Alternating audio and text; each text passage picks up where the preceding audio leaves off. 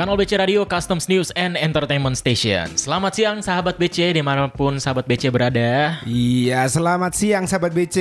Ya tetap semangat ya. Ini siang-siang hari ini lagi cuacanya lagi indah nih kayaknya nih. Betul banget. Oke, di program Obsesi Obrolan Seru Siang dengan Rio Bayu. Dengan saya juga Yusril Hafiz dan di studio Kanal BC Radio udah hadir nih Bang Rio. Siapa Bang Rio? Betul. Nah, kita hari ini kita mau ngebahas tentang DBHCHT ya. Wow, DBHCHT itu singkatan apa tuh? DBHCHT. DBHCHT. ah. Nah, ini Jadi sahabat itu nama agak bingung nih. Iya, itu namanya dana bagi hasil cukai has, dana bagi hasil cukai hasil tembakau ya. Oke, benar. Dana bagi hasil cukai hasil tembakau. Berarti kita bahas tentang cukai ini kan? Betul. Oke, dan saat ini kita udah bersama dengan Bapak Wirman Syalukman selaku Kepala Seksi Tarif Cukai dan Harga Dasar 3 dari Direktorat Teknis dan Fasilitas Cukai. Selamat siang, Pak. Selamat siang semua, selamat siang sahabat BC. Iya. Gimana kabarnya, Pak? Sehat ya? Alhamdulillah sehat-sehat. Oke, ya. Oke. akhir tahun. senyumnya luar biasa loh. Nih akhir tahun senyumnya tambah sumringah nih Wah kayaknya. iya nih, sepertinya mudah-mudahan nih ada rezeki nomplok. Oh, iya iya iya. Oke, Betul, betul. eh, untuk eh, di Direktorat Teknis dan Fasilitas Cukai kalau akhir tahun gini beban kerjanya gimana nih, Pak? Wah luar biasa, beban kerjanya justru semakin meningkat nih karena Oh, iya. ada kebijakan-kebibijakan baru ya kan Mhm, terkait tarif, terkait eh, peraturan ketentuan lainnya yang mengikuti kebijakan tarif ini. Oh, Oke. iya. Berarti ini ya lagi eh, musim-musim lembur nih ya kan? Ah, ya, ngejar target nih. Target target penerimaan di cukai juga besar loh ya, luar, biasa, loh. Betul, Iya, betul, betul. Oke, Nah, oke, tadi oke. kita udah sempat nyinggung dengan yang namanya DBHCHT atau Ah. dana bagi hasil cukai hasil tembakau. Oke. Cuman sebelum itu kita pengen tahu dulu nih, mungkin sahabat BC juga mungkin masih banyak nih yang masih awam ya dengan eh, Singkatan istilah tadi. ini. Ah. Apalagi singkatannya panjang ya. panjang dan hanya eh C-nya banyak D B H C H O T. Ya Ah, gitu. Itulah pokoknya. Oke, jadi sebelum kita bahas, mungkin bisa dijelaskan dulu ya Pak, itu apa sih yang dimaksud dengan dana bagi hasil cukai hasil tembakau? Nah, Jadi DBHCHT atau kepanjangan dari dana bagi hasil cukai hasil tembakau itu dananya memang dari bersumber dari APBN. oke. Nah, dari APBN ini dibagi hasilkan ke daerah, terutama daerah yang penghasil ya, penghasil cukai maupun penghasil tembakau, seperti Oke. yang pertanian tembakau itu. Nah, itu yang proses- apa, prioritasnya untuk eh, petani dan pekerja rokok, itu prioritasnya.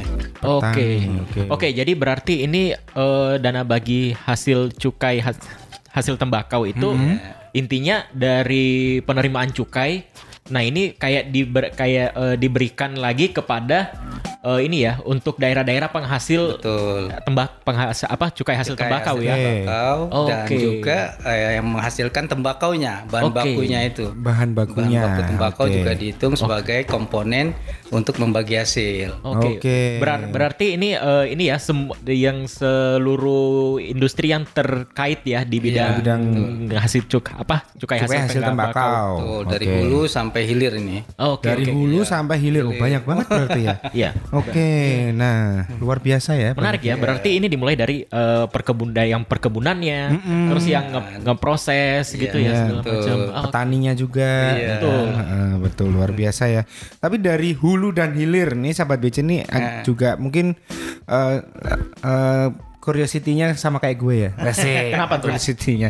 Ini hulu sam dari hulu ke hilir nih maksudnya gimana Pak? Bidang apa aja nih yang menjadi prioritas dari dari DBHCHT sendiri ini? Jadi kalau kita lihat di ketentuan undang-undang, undang-undang kita, undang-undang cukai ya, tahun 2000 2007 ya.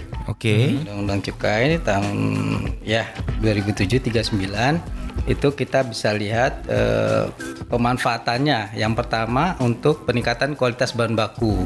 Ini ke Peningkatan. pertanian, lebih ke petani. Jadi eh, semua eh, apa untuk kebutuhan-kebutuhan petani ya baik Oke. dari mulai dia apa, apa namanya menanam bibit-bibitnya segala macam sampai misalnya kebutuhan sarana prasarana pertanian itu Oke. bisa dibantu dari dana DBHCAT. Oke. Ya, sampai pasca panennya gitu itu dibantu juga dari dana DBHCAT. Ini dari sus- dari sisi hulu ya, dari pertanian ya. berikutnya lari ke pembinaan industri. Oke. Pembinaan industri tentunya sudah eh, melalui proses. Jadi eh, dari bahan baku tembakau ini dibawa ke pabrik untuk diproses menjadi sigaret atau rokok. Rokok, Nah ini oke. tentunya kan eh, ada pekerja-pekerja pabrik di sana ya mem- apa namanya tentunya dana ini bisa juga untuk eh, peningkatan eh, pembinaan industri. Jadi supaya eh, dari apa usaha-usaha ini bisa menampung tenaga kerja gitu pembinaan industri ya. Jadi bisa juga untuk eh, pengembangan eh, kalau yang sekarang ini yang lagi apa ini itu kan sentra-sentra industri ya yang sekarang mulai digalakan sentra-sentra industri hasil tembakau itu bisa juga didanain dari DBHCHT ini. Oh, bisa juga dari DBHCHT Iya, jadi ya. untuk pengembangan industri dan pada akhirnya akan mem- apa, menampung banyak tenaga kerja di situ kan Oke. dari Oh. pe- pekerja-pekerja pabrik, pelinting dan sebagainya. Oke, jadi ini ya eh, lumayan luas ya lingkup Iya, kerjanya Pak ya. Oke oke oke oke. Nah berarti kalau kayak gitu eh, kita pengen tahu nih kalau yang yang mendapatkan DBHCHT itu kan dari hulu sampai hilir. Iya. Nah kira-kira itu di daerah mana aja sih Pak? Kalau Kalau boleh kita tahu Pak. lihat daerah eh, penghasil cukai ya, tentunya kita Mhm. bisa lihat daerah-daerah di Pulau Jawa ya, Hmm, oke. mayoritas itu. ya. Mayoritasnya ya. Mayoritas. Ya, di ya. Jawa Timur, Jawa Mhm. Tengah, eh, terus Jawa Barat Jawa ya. Barat, Itu yang paling besar. Satu lagi yang eh, nyelip itu di NTB. NTB. Oh, oh, NTB. Di NTB juga Ah, merupakan NTB salah satu penghasil tembakau penghasil juga ya. tembakaunya. Dia oke. dia mendapatkan eh, DBHCAT bukan dari pabrik rokok, Mhm. dari penghasil tembakau. Oke, berarti Oke, ini ya eh, dia hulunya ya. Lima Hulunya. besar dia ya. Oh, lima Oke, besar. Penyedia bahan bakunya ya berarti ya Pak. Oke, oke, Jadi oke, luar oke. biasa lah. Oke oke Pak. Eh, kalau dilihat-lihat ini kira-kira Pak, kalau menurut pendapat Bapak pribadi ya, kira-kira nanti ini di daerah-daerah lain bisa mendapatkan DBHCHT nggak Pak ini? Kalau dari perkiraannya Bapak pribadi deh, Atau ada potensi ke depan potensi gitu. potensi ke Oh, depannya. kalau kita lihat daerah-daerah lain berminat ini. Oh iya. Oh, banyak yang berminat ya. Seperti di daerah eh, kemarin itu oh, apa namanya keinginan untuk mem- membangun SIHT ya dengan Hmm. harapan dengan adanya SIHT menghasilkan cukai dengan Hmm. harapan ada tambahan dari DBHCHT ini. Ya, Hmm. jadi ada beberapa daerah eh, mengusulkan untuk eh, membuat SIHT, cuman masih dalam proses kajian ya Oke, masih dalam dalam proses kajian. Kalau memang layak di sana, eh, tentunya bisa dilanjutkan eh, proses berikutnya begitu. Mm-mm. Oh iya iya. Oke, iya. oke, oke. Oke Pak. Nah kalau gitu eh, kalau yang kan Bapak bilang yang mendapatkan DBHCHT ini merupakan yang ngurusin apa ya hulu sampai hilirnya industri tembakau kan Pak? Ya. Hmm. Nah itu kira-kira kriterianya apa sih Pak biar bisa disebut daerah ini, wah dia ini berpengaruh di industri tembakau Pak gitu. Eh, ya itu eh, banyaknya pabrik-pabrik tembakau, eh pabrik rokok salah satunya. Salah satunya itu. Pabrik Salah rokok. satu. Pengha- Berarti kan dilihat penghasil cukainya kan, penghasil cukai berapa di daerah tersebut. Nah itu presentasinya lebih besar karena eh, kita lihat di eh, ketentuan eh, kalau di undang-undang cukai masih porsi de- ada tiga tiga provinsi yang apa apa tiga daerah ya. Mhm. Provinsi itu 30 persen, terus eh, provinsi penghasil. Kabupaten kota penghasil 40 persen, 40%. terus eh, kabupaten kota lainnya yang kebetulan eh, provinsi ini menghasilkan DBHCAT. Ini kebagian juga nih, walaupun dia bukan daerah penghasil nih. Oh, Jadi Oke. istilahnya eh, kebagian untungnya lah ya gitu ya. Kalau Untungnya. di satu satu daerah itu ada da- apa daerah penghasil, penghasil cukai. Nah, Jadi ke bawah nih, ke bawah Oh untung lah iya, ya. iya, betul betul betul. Nah itu kalau untuk yang ketentuan baru di Undang-Undang HKPD ini mereka ada pengurangan sedikit ya di provinsinya.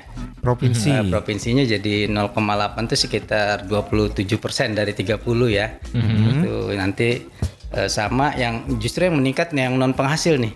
Non penghasil Oke. dari 30 jadi 33. Ini untuk yang Oh gitu, Pak. ke depannya. Oh, ke depannya. 2023 ya. 2023. Mulai berlaku 2023. Non penghasil ya, Pak. ya? Iya, ada daerah non penghasil, tapi karena eh, dia ke bawah untung dari salah satu daerah di provinsi tersebut penghasil. Oke. gitu. Oh, berarti Iya. misal kalau provinsi Jawa Timur ada cuman satu daerah Ah, yang penghasil. penghasil, berarti yang Iya. lainnya juga dapat ya? Dapat betul. Oke, Oke. luar Bawa biasa. untung. loh. iya. Untung ya, berarti Iya. Eh, ini ya apa rokok ini juga apa tembakau ini juga membawa apa tambahan insentif tersendiri Pak Untuk bagi daerah. PAD ya betul, daerah. Betul, untuk Hmm. daerah itu luar biasa. Oke. Ini di samping di BCAT juga ada pajak rokok, jangan salah ya. Oke. Ah, pajak rokok itu lebih besar justru. Kalau pajak rokok itu berarti dari daerah. Dari eh, jadi dari cukai itu 10 persennya langsung dipotong untuk pajak rokok. Itu untuk kalau itu malah lebih besar karena dibagikan ke seluruh provinsi. Oke. Jadi dari 10 persen misalnya penerimaan cukai kita ke depan ini sekitar 200 triliun ya. Berarti sekitar 20 triliun yang akan dibagikan ke seluruh provinsi berdasarkan jumlah penduduk. Jadi, iya, jadi seluruh, seluruh provinsi dapat. Nah, pemanfaatannya pun bisa untuk eh, di samping kesehatan ya. Oke. Oh, Terus ada pemberantasan rokok ilegal dan uh, kebutuhan-kebutuhan lainnya. Jadi ada blok grantnya gitu kalau Oke. pajak rokok. Kalau DBH kan ada rule-nya ya, dibatasi. Cuman kemarin dibuka nih di PMK 215 di samping ada apa peningkatan kualitas bahan baku, pembinaan industri, pembinaan lingkungan sosial, sosialisasi di bidang cukai ya, Oke. ada pemberantasan, juga ada namanya prioritas, prioritas daerah. Itu Prioritas dibuka daerah. tuh di PMK 215. Oke. Jadi misalnya daerah punya ke- kebutuhan apa, misalnya pembangunan jalan atau apa pembangunan tertentu ya sesuai RPJMD-nya daerah itu bisa. Jadi dialokasikan eh, DBHCAT-nya untuk kebutuhan eh, prioritas daerah. Jadi eh, lebih luas lagi nih pemanfaatan DBHCAT eh, maupun pajak rokok. Oh, lebih luas ya, luas sekali ini Ya, jadi. jadi dibuka eh, seluas-luasnya kebutuhan sesuai prioritas daerah. Oke, jadi biar manfaat-manfaatnya bisa terlaksana dengan baik gitu ya, Iya, Pak ya. tidak dikunci lagi ke apa? Ke lima kegiatan ini ya. Mm-mm, Kalau di undang-undangnya kan dikunci ya. Heeh, benar, lima kegiatan. Kalau di PMK dibuka lagi. Ya, Oke. ketakutnya memang tidak terserap. Misalnya ternyata kegiatan-kegiatan yang eh, apa eh, sesuai ketentuan ini ternyata penyerapannya kurang ya.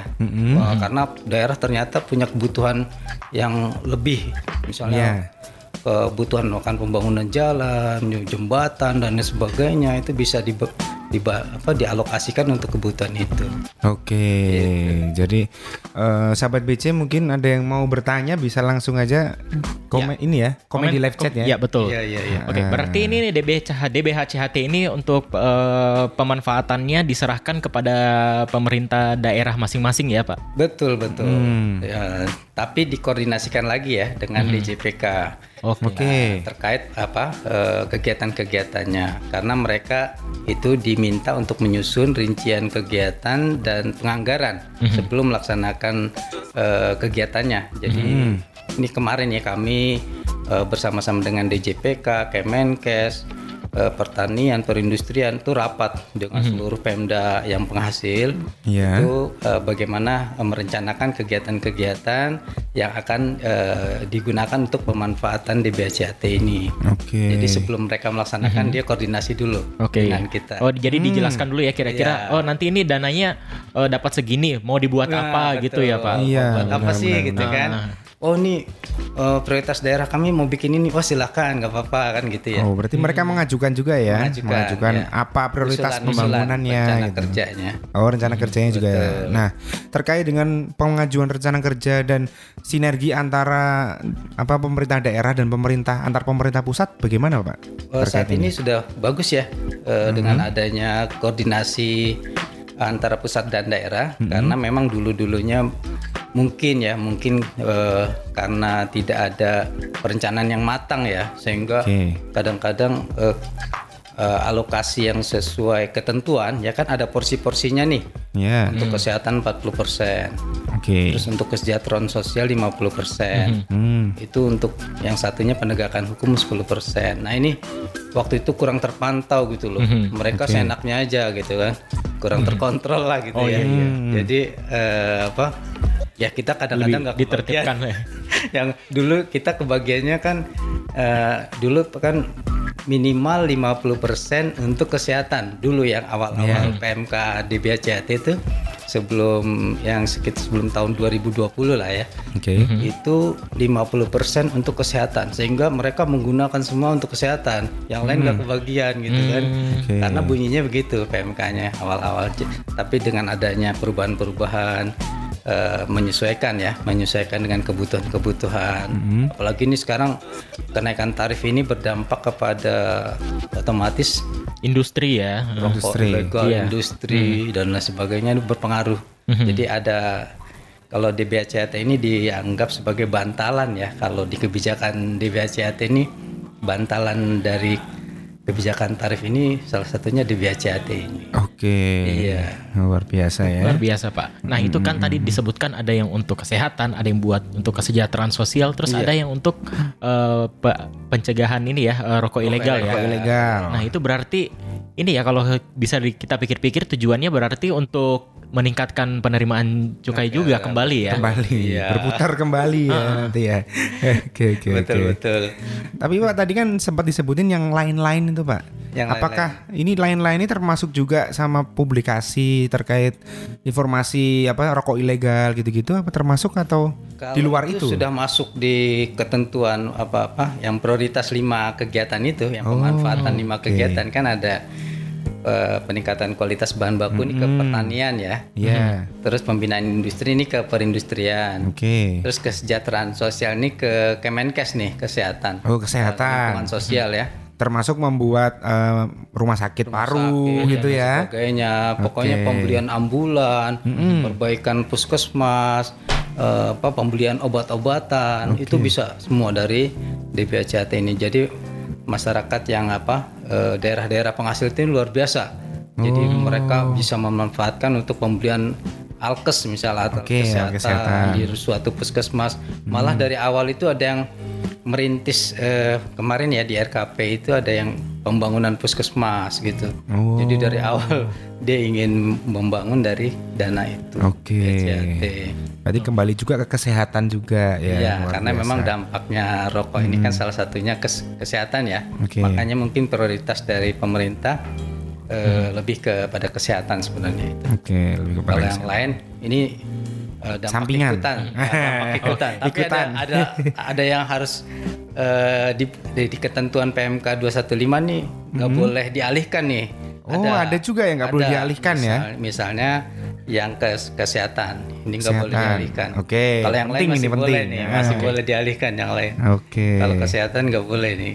Oh ya, oh ya Pak, tadi kan eh, ke- untuk yang mendapatkan DBHCHT ini kan ada yang dari daerah yang bukan penghasil tembakau gitu kan Pak? Iya betul. Nah ini kalau misal untuk alokasinya juga apakah sama Pak dengan yang daerah penghasil tembakau yaitu untuk yang da- 50% untuk kesehatan, terus yang 40% untuk kesejahteraan sosial tadi Iya itu? sama. Sama ya? sama. berarti? Jadi sama, cuman kan memang kan misalnya di pembinaan industri dia nggak ada ya, Mm-mm, karena nggak ada pabrik rokok ya. Betul. Jadi dimanfaatkan untuk yang lain. Oke, untuk kegiatan industri yang lain, Industri Ya. yang lain. Jadi kan ada bantuan modal, ada BLT, ada macam-macam itu di di PMK 215 itu pemanfaatan DBHCAT. Jadi luar biasa lah kalau kita lihat apalagi kalau dibuka yang ya, ketentuan baru ini kan prioritas daerah. Mhm. Prioritas daerah kan mungkin lagi mendesak ya kebutuhan apa itu bisa asalkan disampaikan ke waktu rapat koordinasi rinciannya disam, apa rencana kerja ya Rencana Itu kerja disampaikan disampaikan. gitu. Oke. Ini rencana kami ingin memba- memperbaiki jalan-jalan yang rusak gitu. Ya. Di, oh silakan silakan gitu. Asalkan kewajibannya yang terkait kesehatan dipenuhi juga itu Iya, tadi ya. iya, Oke. iya, betul. Oke, berarti sahabat BC yang dari daerah ya perlu diingat juga barangkali jalannya dari DBHCHT ya. yang coba dilewati. ya coba dipantau nih, coba dipantau pembangunan Saya nggak ada ya. tulisannya ya. Oh, nggak ada. Iya, iya, iya, iya. Coba ada tulisannya ya. Nah, misalnya setiap puskesmas da- dibangun dari dana DVHCAT gitu ya. Oh. Endorse sekalian berarti ya. Iya, Oke, iya, iya, iya. dan untuk pemantauannya ini dilakukan oleh siapa Pak penggunaannya ini? Pemanfaat pem- pemantauan ya. Iya. Pemantauannya ini oleh Direktorat Jenderal Perimbangan Keuangan. Oke, Cuman memang JPK ya. mereka juga eh, berkoordinasi dengan kami ya terkait misalnya kalau kami ini kan di penegakan hukum ya. Ya. Itu ada sosialisasi dan pemberantasan rokok ilegal. Nah, itu bagaimana kira-kira daerah di dalam memanfaatkan eh, kegiatan ini? Apakah sudah sesuai ya eh, dengan ketentuan yang ada? Misalnya eh, terkait sosialisasi mereka sudah melaksanakan atau eh, seperti apa bentuk-bentuk sosialisasi yang mereka telah laks- melaksanakan? Itu eh, dia minta data dari kita. Gitu. Kita punya penilaian kinerja nih di di di eh, DBHCAT ini sesuai PMK 139 ya kita diminta untuk melakukan penilaian kinerja. Itu mempengaruhi porsi penerimaan juga. penilaian kinerja Pemda ya. Oke, berarti kalau semakin baik kinerjanya dia bisa mendapatkan DBHCAT yang lebih banyak Iya, gitu ya. betul. Oke, oke, oke. Nah, tapi sebelum kita ngebahas itu ya, Heeh. kita pengen tahu dulu ya kewajiban-kewajibannya apa aja sih yang harus dilakukan oleh daerah-daerah yang menerima DBHCAT, Pak? kewajiban-kewajibannya ya Betul. ten- tentunya kan mereka mengalokasikan ya. Pertama mengalokasikan sesuai porsi. Ya misalnya 40% untuk kesehatan itu harus eh, dikunci tuh. Kalau yang lain mau masih boleh ya. Sekitar yang kesejahteraan masyarakat tuh yang 20% tuh masih fleksibel juga. Mhm. kan 30% untuk BLT ya. Oh BLT maaf BLT itu masih boleh eh, tidak tidak di apa dialihkan ya. Itu masih BLT itu kalau memang tidak ada yang dibagi misalnya ya tidak ada pekerja rokok tidak ada petani tembakau tidak ada orang miskin. Oke. Itu daerahnya berarti maju banget ya, Pak. Iya iya iya. tapi kalau yang lain eh, apa namanya bisa dialihkan seperti penegakan hukum ini bisa dialihkan untuk kegiatan yang lain ya Oke. bisa dialihkan Hmm, oke oke. Oh iya iya. Tapi memang harus koordinasi dulu dengan bea cukai kalau misalnya penegakan hukum ini ya. Mhm. Apakah eh, bea cukai ini merasa oh ya dananya sudah cukup gini. Eh, jadi nggak usah apa namanya em, nggak usah banyak-banyak misalnya ya. Oke. Eh, ini silakan dialihkan saja. Nah, karena penegakan hukum juga melihat ini juga ya profilnya dari daerah tersebut gimana Iya, gitu ya. betul. Oke. oke, Ada oke. zona-zonanya ya. Ah, ah, zona merah, kuning, hijau yang mana aja gitu ya Pak ya. Ya prioritasnya mungkin kalau zona merah gitu kan. Hmm. Oke, berarti pemanfaatannya ini nggak kaku banget ya, Pak. Lebih Iya, fleksibel menyesuaikan dengan kondisi daerah masing-masing ya, Pak. Betul. Iya, Iya juga ya, soalnya kalau kita pikir-pikir eh, wilayah Indonesia ini kan Luas. kompleks ya, Iya, kompleks iya. banget. Nggak cuma ad- eh, kita nggak bisa bandingin misalkan Jawa Timur dengan Jawa Tengah itu nggak Ya, bisa ya. apalagi da- bandingin Makassar sama Merauke misalkan beda ya. Ya kan beda Eh, industrinya dari Iya, tipikal daerahnya juga beda. Betul. Benar, benar banget. betul. Nah selain itu kewajiban yang lain ada nggak Pak? Kewajiban yang lain eh, ya setelah mereka melaksanakan seluruh kegiatannya mereka harus melaporkan ya eh, berapa penyerapannya gitu. Kalau tidak terserap kan tentunya ada eh, misalnya memang dari sisi misalnya ini ke- keuntungan DBHCAT ya itu dia tidak ada yang namanya eh, dipotong ya. Mhm. misalnya nggak terserap nih dia cuman terserap 60% tahun depan dikurangin gitu. Nggak ada itu. Jadi akumulasi dia. Misalnya dia terserapnya cuma 60% ya 40 persennya nanti ditambahkan di tahun depan Oh, akumulasi. Akumulasi, dia luar biasa nih DPHCT jadi tidak ada yang angus gitu Iya, nggak ada yang angus ya. Biasa kan anggaran kalau nggak habis ya tahun depan dikurang Iya, gitu kan. angus ya Heeh, ini kalau DPHCT ini beda jadi Oh, Oke. Makanya seperti di Kerawang itu bisa membangun rumah sakit ya. Hmm. Rumah sakit paru itu karena ada akumulasi sisa. Sisa Oh. di BCAT dikumpulin mungkin ya. Ternyata bisa buat bangun rumah sakit yang besar gitu ya. Ratusan miliar kan Oh sisanya. iya iya iya iya. Sisanya ratusan miliar Hmm. akhirnya dia bangun rumah sakit. Iya iya bermanfaat juga buat masyarakat ya luar biasa. Nah, tadi kan Bapak kan cerita terkait koordinasi dengan eh, instansi daerah atau kementerian yang lain gitu kan. Nah, kalau penunjukan eh, DBHCHT sendiri ini ada ada nggak sih Pak penilaiannya? Kalau ada pun gimana tuh? Apa aja yang dinilai sama bea cukai itu Oh, apa kalau aja? untuk bea cukai kan lebih fokus ke penegakan hukum ya, seperti saya Oke. sampaikan tadi. Penegakan hukum ini ada dua kegiatan, eh, ada tiga, tiga kegiatan maaf. Mm-mm. Yang pertama ini KIHT, Kawasan Industri Hasil Tembakau. Oke. Hanya saja ini KIHT ini memang agak berat ya sekarang ya, karena Hmm. menurut ketentuan itu setiap daerah harus eh, apa, mempunyai luas wilayah 50 di atas 50 hektar baru Oh, bisa iya. Luas banget KIHT. Iya. Nah, ini yang mungkin eh, kemarin agak banyak yang ke daerah kesulitan lah untuk Hmm. bisa memenuhi ketentuan ya 50 hektar itu karena luas sekali kalau 50 hektar, Hektar ya. ya. Iya iya. Nah, terus yang kedua ini sosialisasi. Nah, ini sosialisasi ini termasuk teman-teman sebenarnya kalau di daerah bisa didanain ini semua dari DBHJT nih. Oh, gitu. Sosialisasi. iya. Terkait ini ya eh, Iya. rokok ilegal ya. Ya, Rokok ilegal. sosialisasi tatap muka, sosialisasi melalui media elektronik, sosialisasi melalui media-media lainnya ya, baliho kalau mungkin Oh iya, pul- pernah jalan-jalan Iya, ke Sering awal. itu, sering. Kayaknya kalau di daerah-daerah itu kadang-kadang pernah sempat ngelihat di balihonya itu ada ini ya Iya. iklan tentang rokok ilegal. Iya. Berarti itu eh, didanain didanain dari DBHCHT berarti iya ya, Pak. betul. Ah, Didanain dari DBHJT tuh kalau misalnya kita ke daerah gempur luar rokok biasa. ilegal itu kan. mhm. Eh, itu eh, biasanya dari DB, DBHJT. Oke. Hmm, kalau berarti itu ini ya eh, koordinasi dengan pemerintah daerah sekitar ya berarti. Iya, iya. pastinya Ya, ya. kontennya mereka memang harus koordinasi kontennya dengan bea cukai ya.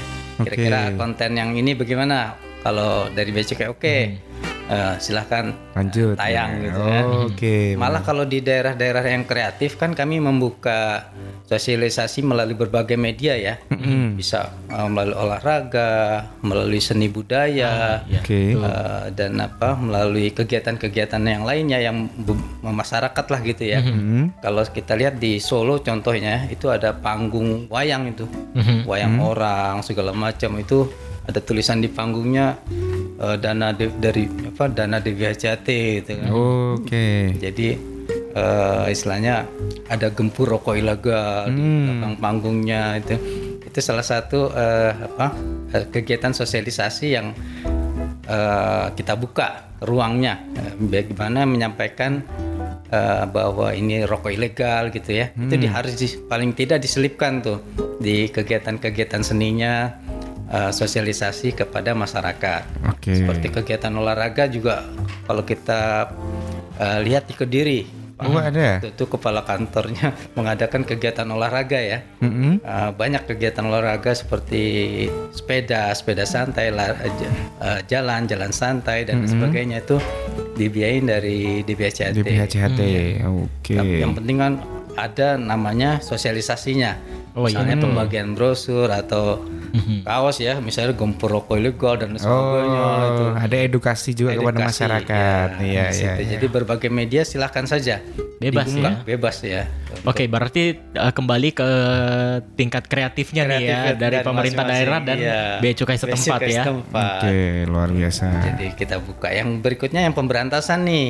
Oke. Pemberantasan BKC ilegal kan eh, luar biasa ya dengan kenaikan tarif ini apalagi ke depan Hmm. ini tantangannya lebih besar lagi. Iya. Mhm. Semakin naik mereka semakin ada semangat untuk memproduksi rokok ilegal nih tentunya kan. Karena disparitas harganya tentunya semakin jauh ya. Semakin jauh, benar, benar. Antara rokok legal dan rokok ilegal. Ilegal. betul, Pak. Nah, itu selisihnya bisa 68 sampai 70 persen. Iya, benar. Kalau mereka memproduksi rokok ilegal Mm-mm. dengan tidak membayar cukai itu selisihnya antara dengan rokok ilegal bisa sampai 70 persen. Oh, Bayangkan kalau mereka mengambil selisih dikit aja ya, Mm-mm. eh, itu luar biasa sudah Untungnya ya. untungnya kan. Jadi tentunya kerja keras dari teman-teman di lapangan ya, eh, dan mungkin eh, makanya itu kami bekerja sama di- dengan berbagai APH ya, bisa dengan Pemda, dengan polisian, dengan TNI, itu sama-sama kita bekerja sama. Karena ini eh, peredaran rokok ilegal ini tentunya merugikan ya. Iya, Dari sisi benar. penerimaan negara tentunya dari sisi Pemda nanti atau ya apa pemerintah daerah berdampak ya kalau memang dari sisi penerimaannya turun, Oh iya, turun, turun, semua pajak rokok turun, Iya. semua Bahkan yang industri yang legal juga kena Ya ya. kena Oh, pasti kena. ya.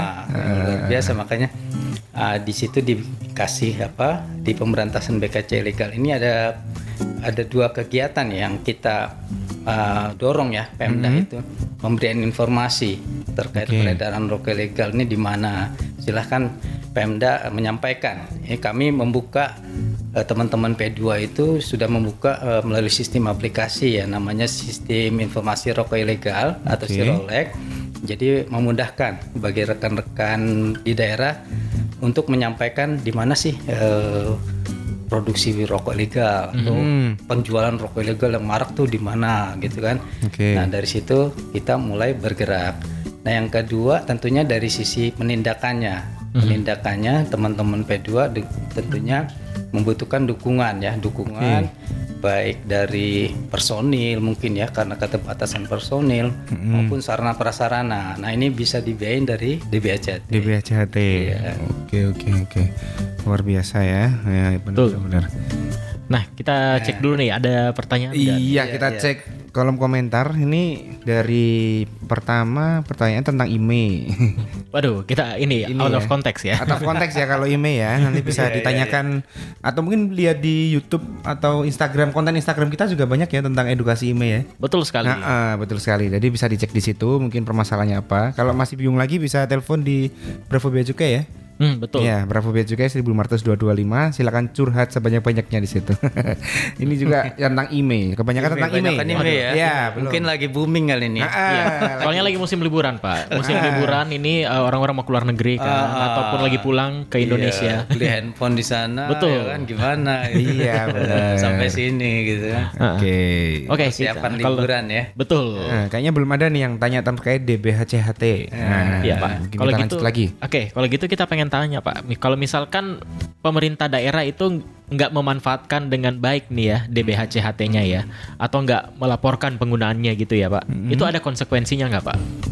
Eh, kalau dari sisi misalnya alokasi ya terutama ya, Oke. mereka tidak mengalokasikan sesuai dengan porsi. Hmm. Itu awalnya ada namanya eh, bukan penghentian apa penundaan, Penundaan. penyaluran ya. Oke. Nah, mereka mengalami yang pertama tahapannya penundaan dulu. Mm-mm. Kalau misalnya masih belum apa sesuai dengan ketentuan, Oke. Uh, itu nanti penghentian, penghentian sampai penghentian penyaluran. Nanti tidak di- diberikan tuh, kan transfernya sekitar triwulan sekali. Uh, dana DBHJT ini kepada Pemda ini triwulan sekali.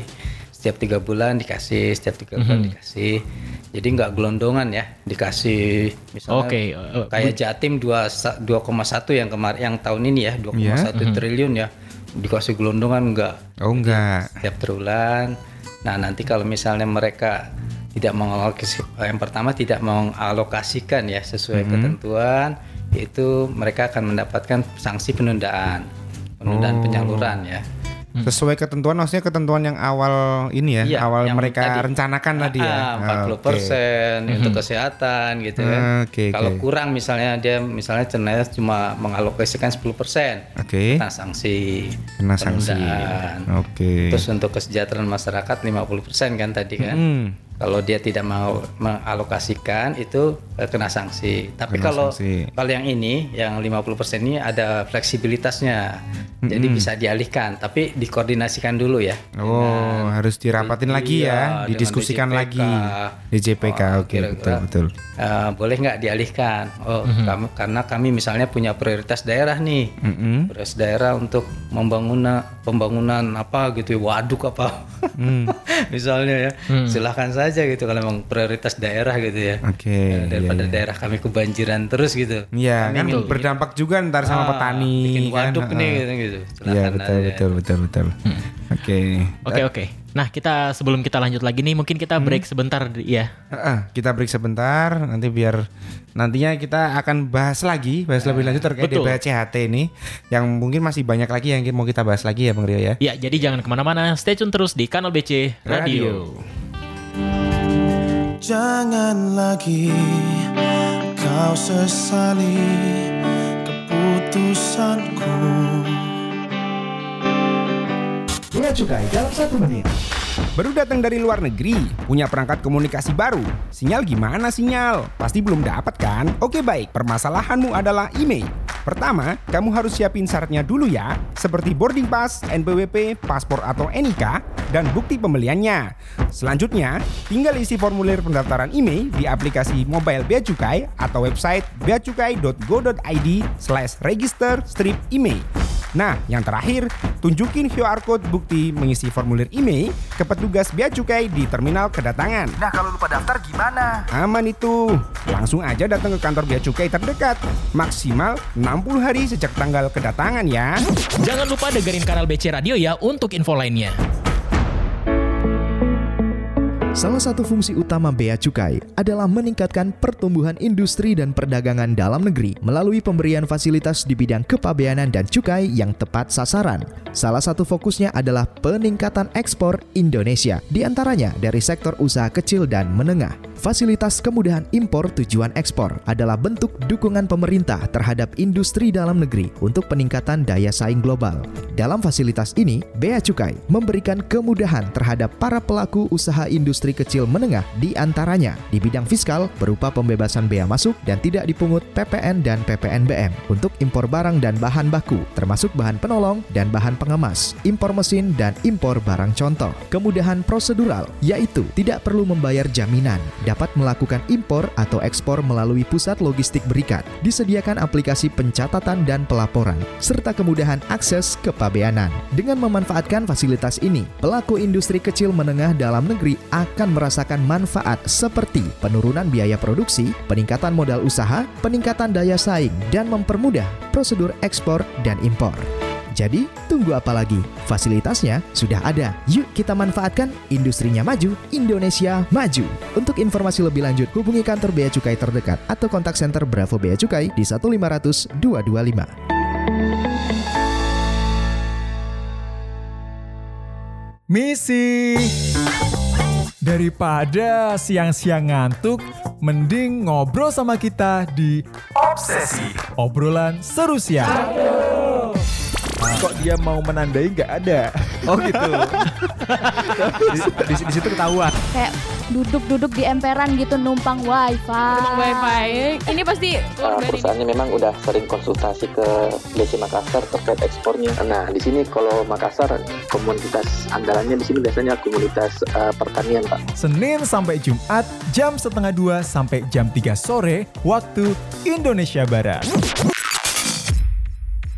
Nak, udah packing semua barang yang mau kamu bawa nanti ke Jepang. Jangan sampai ada yang lupa dan ketinggalan loh. Nanti bisa kerepotan kamu di sana. Alhamdulillah sudah pak, cuma belum ngurus pembawaan uangnya nih pak. Loh, memang masih diurus juga ya, Nak ya? Iya pak, kalau bawa uang senilai 100 juta rupiah atau lebih, itu harus diurus ke Bank Indonesia dan lapor ke Bea Cukai. Benar, pembawaan uang tunai senilai 100 juta rupiah atau lebih, baik rupiah maupun mata uang asing atau instrumen pembayaran lainnya seperti cek, cek perjalanan, surat sanggup bayar atau biliet giro ke dalam maupun keluar daerah pabean Indonesia diwajibkan untuk melapor ke Bea Cukai. Untuk orang yang membawa uang tunai rupiah sejumlah 100 juta rupiah atau lebih keluar daerah pabean Indonesia wajib melampirkan izin dari Bank Indonesia. Sedangkan orang yang membawa uang tunai rupiah sejumlah 100 juta rupiah atau lebih ke dalam daerah pabean Indonesia akan diperiksa keasliannya lebih lanjut oleh Bea Cukai.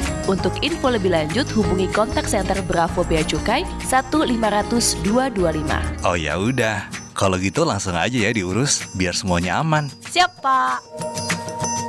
Pak, Mama harus ke mana ya kalau mau konsultasi masalah biaya cukai? Mama mau tahu aturan impor ya? Iya nih Pak, biar belanja online-nya nyaman. Banyak barang yang mau Mama beli, nggak dijual di Indonesia soalnya. Aha, gampang mah. Bea Cukai kan punya kontak center. Mama tinggal hubungi aja 021 1500 225 aja. Papa juga sering kok nanya soal ekspor. Keren loh mah. Pelayanannya 24 jam 7 hari dan agen-agennya selalu siap membantu. Siap membantu dan bisa diandalkan ya Pak. Kayak Papa dong. Si Mama bisa aja.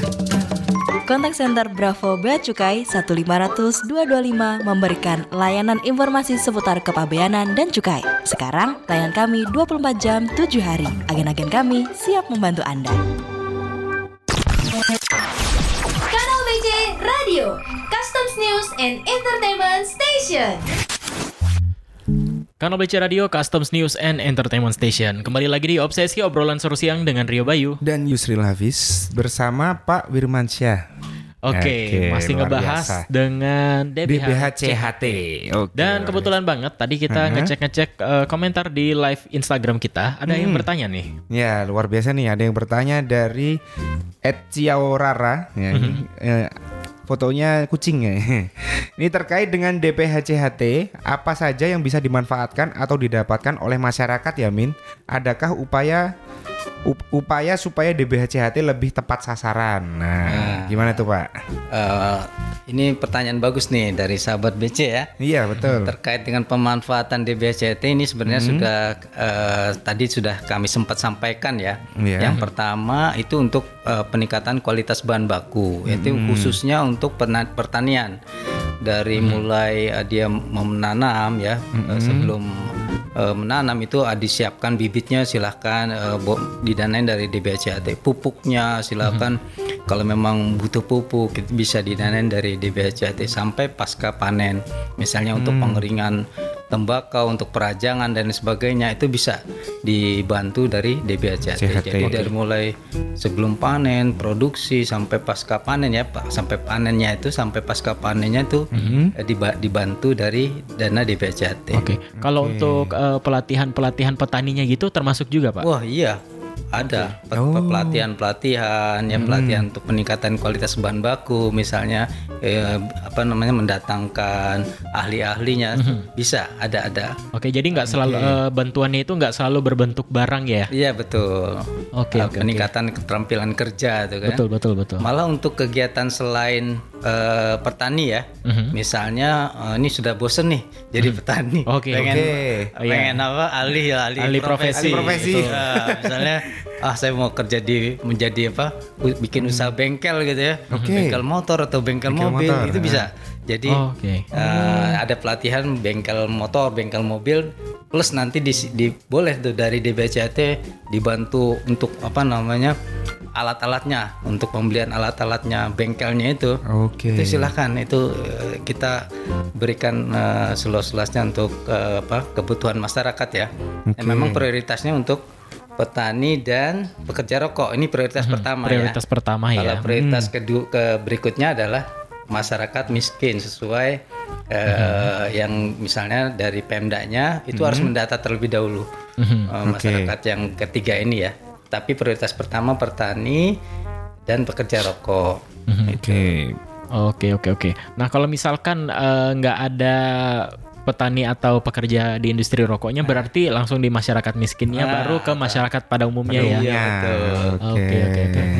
Luar biasa tadi kan ini ya udah, udah mungkin udah menjawab ya Mbak Ciao, Mbak atau Mas ini kata ya, Ciao Rara nih. Nah, dan selain itu Mungkin ada yang- ada lagi nggak? Pak? yang ber apa yang lebih terasa di masyarakat mungkin di ini ya pemanfaatan kesehatan ya mungkin Oke. teman-teman di daerah sahabat BC mungkin nggak nggak sadar gitu ya misalnya ternyata dari obat-obatannya dari alat-alat kesehatannya ya, dari kendaraan ambulannya dan fasilitas-fasilitas lainnya eh, kesehatan itu itu ternyata didanain dari DBCAT gitu kan karena memang tidak ada tulisannya gitu kan Oh Oh iya, nggak belum endorse. Kita kalau Iya. endorse ada tulisannya ntar. ya. Iya, misalnya obat-obatan, wah didanain dari DBCAT ada tulisannya itu. Ya, jadi masyarakat lebih tahu ya, Ah, biar iya. paham gitu kan. Heeh, heeh, luar biasa. Oke, berarti eh, rata-rata itu yang kalau mendapatkan DBHCHT itu bisa dimanfaatkan untuk di rumah sakit umum daerahnya ya, Pak? Iya betul. Oke.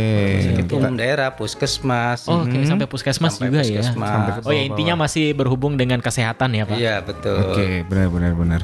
Nah, tadi kan Bapak udah ngomong ter- terkait ini ya, endorse tulisan DBHCHT ya. Nah, kita mau kasih tahu nih ke sahabat BC nih, Pak. Apa Nah. aja sih, Pak, yang realisasi yang bisa dilihat gitu oleh masyarakat Yang terkait DBHCHT ya. ini?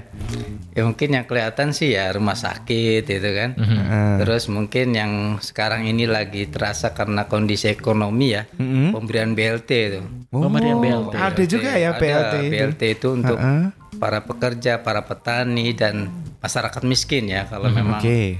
eh, misalnya ternyata tadi yang eh, apa namanya daerah non penghasil kan dia nggak ada pekerja rokok ya Mm-mm. terus nggak punya petani juga nggak punya akhirnya Hmm. prioritas ketiga nih masyarakat miskin lainnya sesuai Oh. dengan eh, ketentuan dari Pemda jadi Hmm. Pemda harus mendata tuh prioritas masyarakat miskin itu kan yang mau dibagi BLT Mm-mm. Nah, ini BLT-nya di luar BLT yang yang uh, dibagi oleh pemerintah pusat ya. Oh, di luar, lain Di lagi? luar. Kalau Oke. ini BLT khusus dari DBCAT itu sudah di beberapa daerah sudah mulai dibagi tuh. Udah mulai dibagi ya. Dari, apa, mulai awal pemanfaatan DBCAT beberapa daerah sudah mulai uh, memanfaatkan untuk membantu masyarakat uh, miskin ya Mm-mm.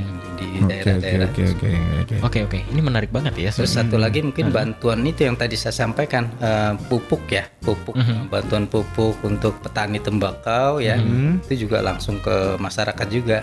Oh, iya. Mesin-mesin misalnya untuk membajak sawah ya, perlu apa sih namanya tuh traktor Oh, ya, traktor, ya. iya. Itu bisa kalau memang eh, dari Pemdanya dirasakan nih kalau nggak ada traktor lama misalnya Diperlukan eh, gitu, diperlukan itu Pemda bisa mengalokasikan atau mem- menyediakan ya untuk membeli diberikan kepada petani. Oke. Jadi banyak eh, sebenarnya pemanfaatan, Pemanfaatannya ya. DBHCT mungkin eh, kita tidak menyadarinya gitu loh. Masyarakat eh, karena mungkin ya itu tadi saya sampaikan tidak ada tulisannya. gitu.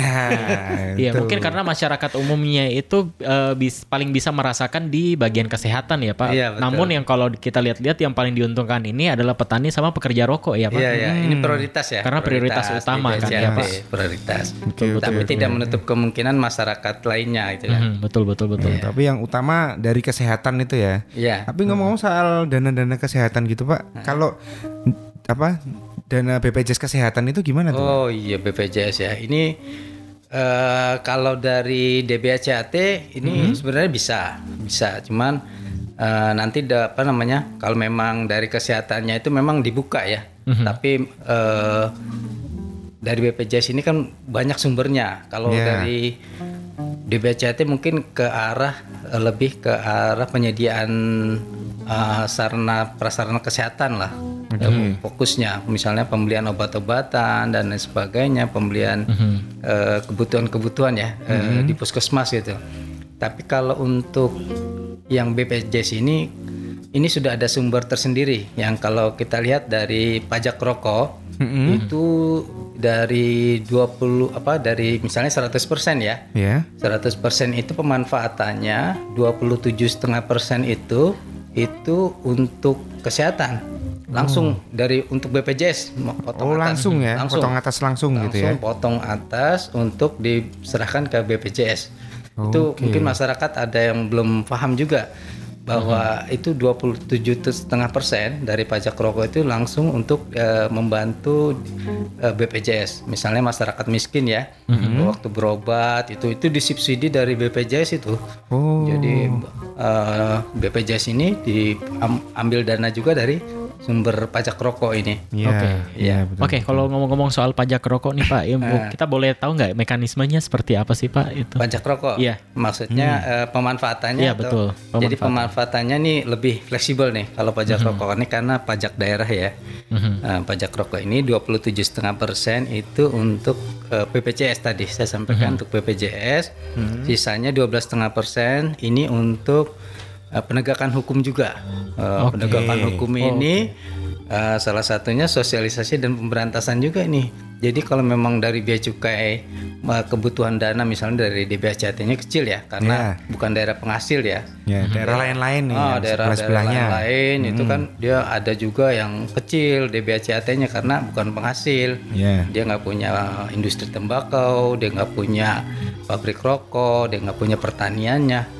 Akhirnya Hmm. DBH-nya kecil, minim lah. Malah ada yang nggak dapat sama sekali kan. Hmm. Nah ini dari pajak rokok ini bisa untuk penegakan hukum, untuk sosialisasi dan pemberantasan. Tinggal bagaimana berkoordinasi dengan Pemda. Nah yang yang yang lebih luar biasa lagi, Hmm. ini 50 persennya, 50 persennya ini block grant namanya. Jadi Pemda bebas menggunakan untuk apa saja pajak Oke, rokok ini. pajak rokok. Jadi luar biasa. Oh iya iya. Hmm. Ada diberikan eh, kebebasan seluas-luasnya untuk Pemda memanfaatkan dana pajak rokok ini. Kebutuhannya apa terserah. Gitu. Selama bisa dipertanggungjawabkan ya Iya, Pak. Iya, bukan terserah terserah aja bukan gitu ya. Tetap harus dipertanggungjawabkan. Harus dipertanggungjawabkan Iya, iya. lah. Benar, benar, benar. Bahaya Betul. kalau gak dipertanggungjawabkan ya. Betul betul. Ah, Pak. betul. Ini Karena untuk- dananya lebih besar dari DBH. Kalau DBH kan cuma 3% ya. Betul. Depan ya. Iya. Kalau pajak rokok 10%. Oh, itu 10%, iya, ya, luar besar biasa. ya. Nah, ya lebih dari tiga kali lipatnya ya Pak. Iya. Jadi pemanfaatannya juga lebih luas ya jangkauannya. Karena Oke. 50 persennya blok grant tuh. Oke. Jadi Pemda mau buat apa saja silahkan tuh. Di- Oke, diberikan oke, oke, keleluas keleluasaan. Oke, kalau ini ya, eh, ini kita lebih personal dikit eh, dari Bapak Wirmansyah ini kalau selama bertugas pernah kayak langsung ngelihat ininya nggak eh, berkoordinasi langsung dengan pemer, apa pemerintah daerahnya gitu Daerah. atau gimana? Ya sering. Sering. Sering, ya. ya. Saya sering Eh. diundang Pemda Heeh. untuk eh, menjadi narasumber ya Mhm. di Oke. beberapa daerah terkait bagaimana pemanfaatan di BST khususnya penegakan hukum ya. Oke, Khususnya penegakan penegakan hukum, ya. hukum. eh, kami sering diundang lah untuk menjadi narasumber ya. Mhm. Nah, tapi kami juga di samping memenuhi undangan Pemda, kami sempatkan misalnya ke lokasi-lokasi pertanian gitu kan. Mhm. Apakah eh, dana Pemda ini nyampe gitu loh. Misalnya ke Hmm, petani mhm. waktu saya ke Lombok ya. Hmm. Kebetulan waktu itu Pak Direkturnya Pak Nirwala nih. Oh iya. Waktu masih Direktur Cukai ya. Iya, iya, iya. Kami ke Lombok, kami lihat eh, apakah petani-petaninya ini mendapatkan bantuan Mhm. dari dana di BCT. Ya alhamdulillah Hmm. dapat gitu katanya. Oke. Dapat bantuan pupuk, bantuan segala Mhm. macam lah dari dana di BCT ini. Ya memang luar biasa lah. Jadi sangat membantu untuk eh, masyarakat ya, terutama kalau Mhm. di Mataram ini karena apa penerima apa mereka mendapatkan anggaran yang besar ya di Mhm. BCT-nya ini sangat em, mereka sangat mengandalkan nih DBHCT ini kalau nggak dapat DBHCT Hmm. atau kecil luar biasa dampaknya Iya berarti DBHCT CHT ini berperan penting ya dalam eh, menjaga kestabilan industri rokok kita. betul betul betul betul. Oke, sahabat BJ, terima kasih nih udah dengerin kita ya di obsesi siang hari ini. Tapi Mhm. sebelum kita tutup, Cap, kita pengen tanya dulu nih, Bapak Eh, Firmansyah, mungkin ada iya. pesan-pesan nggak yang ingin disampaikan buat sahabat BC yang mendengarkan siaran pada siang hari Hmm. Siang ini? hari ini. Ya ya untuk sahabat BC me- memang ini dana DB, dana bagi hasil cukai hasil tembakau memang eh, dimanfaatkan oleh Pemda ya. Hmm. Jadi dana ini dari dari pemerintah pusat ditransfer ke pemerintah daerah. Daerah.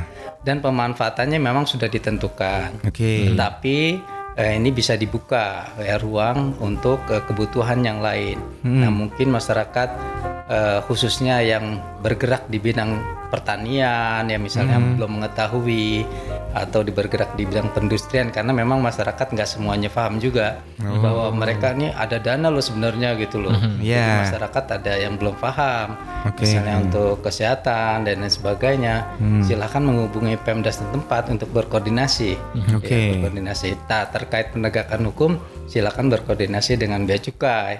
Kegiatan-kegiatan Hmm. apa aja nih yang bisa eh, apa namanya dimanfaatkan untuk eh, kami membantu bea cukai lah Pemda ya. Hmm. Karena dananya dipegang Pemda. Nah, iya, benar. jadi bagaimana memanfaatkan eh, sinergi ya, sinergi antara Pemda dengan bea cukai dengan instansi lainnya untuk sama-sama kita memanfaatkan dana di BCT ini untuk kepentingan masyarakat yang seluas-luasnya. Betul betul. Ya, betul, rasa betul, itu. betul, betul. Oke, Luar biasa jadi ya. iya, jadi masyarakat harus berkoordinasi juga ya dengan pemerintah daerahnya ya. Ah, Kalau misalnya Nah. kan eh, bantuan modal seperti bantuan Ah. modal ya, bantuan bantuan modal usaha dan lain sebagainya. Kan kalau nggak paham nggak tahu dia. Hmm. Betul, Oh, betul, Ternyata betul. bisa ya, bisa apa, dapat bantuan modal usaha gitu kan. Iya iya betul. jadi, betul. jadi ya ada baiknya membentuk asosiasi ya biar lebih kolektif gitu ya Iya, Pak. Betul betul. Ternyata ini Pak Wirmansyah tadi yang tanya, yang Ciaurara tadi pernah ikut jalan sehat bersama. Oh. Lanjut sosialisasi gempur rokok ilegal. Nah, itu berarti, berarti ini katanya dari DBC, DBHCHT nih. Betul betul betul Oh, luar, luar biasa. biasa ya. Itu sudah ada langsung ya. Iya, Pelan- testimoninya ya. Testimoninya udah ada langsung ini. Manfaatnya luar biasa DBHCHT Iya, iya, ini. iya. Dan mungkin sahabat BC yang masih bertanya-tanya mungkin ada yang bertanya di luar konteks ya soal email ataupun soal ini ada juga yang terkait penipuan mengatasnamakan bea cukai yang masih lagi marak ini katanya. Oh iya, kita juga mau Nah, mengingatkan ya, jangan sampai mudah ditipu oleh oknum yang mengatasnamakan bea cukai ya. Iya benar. Menampas- mengatasnamakan bea cukai ini merugikan negara juga, organisasi, masyarakat juga dirugikan. Betul. Jadi kalau Heeh. misalkan menemukan eh, hal-hal yang mencurigakan bisa langsung menghubungi Bravo Bea Cukai atau di Instagram @beacukai_ri ya. Ya langsung DM aja di @beacukai.ri atau Bravo Bea Cukai 15525. Oke. Dan gak terasa kita udah di penghujung program kita di Obsesi Siang hari ini ya. Iya. Yang Ya. artinya kita harus undur diri. Mm-mm, kita harus undur diri karena sudah mendung. Eh, bukan karena udah mendung, karena udah habis. Iya betul. Selesai. Oke, kita mau ngucapin Bang makasih banget buat Bapak Wirmansyah udah mau berbagi Iya, Yusri. insight dengan kita pada hari ini dan kita mau ngucapin juga terima kasih buat sahabat BC yang udah mendengarkan program Obsesi obrolan seru siang di siang hari ini. Mudah-mudahan Iya, bermanfaat ya. Oke. Dan jangan lupa dengerin kanal BC Radio karena masih ada program-program menarik Program lainnya. menarik. Kalau pagi ada inspirasi pagi, kalau Dan siang ada obsesi. Oke, Oke. akhir kata saya Rio Bayu. Saya Yusril Hafiz. Saya Wirmansyah. Undur diri dari ruang dengar sahabat BC buat yang bekerja tetap semangat dan sampai jumpa. Bye bye.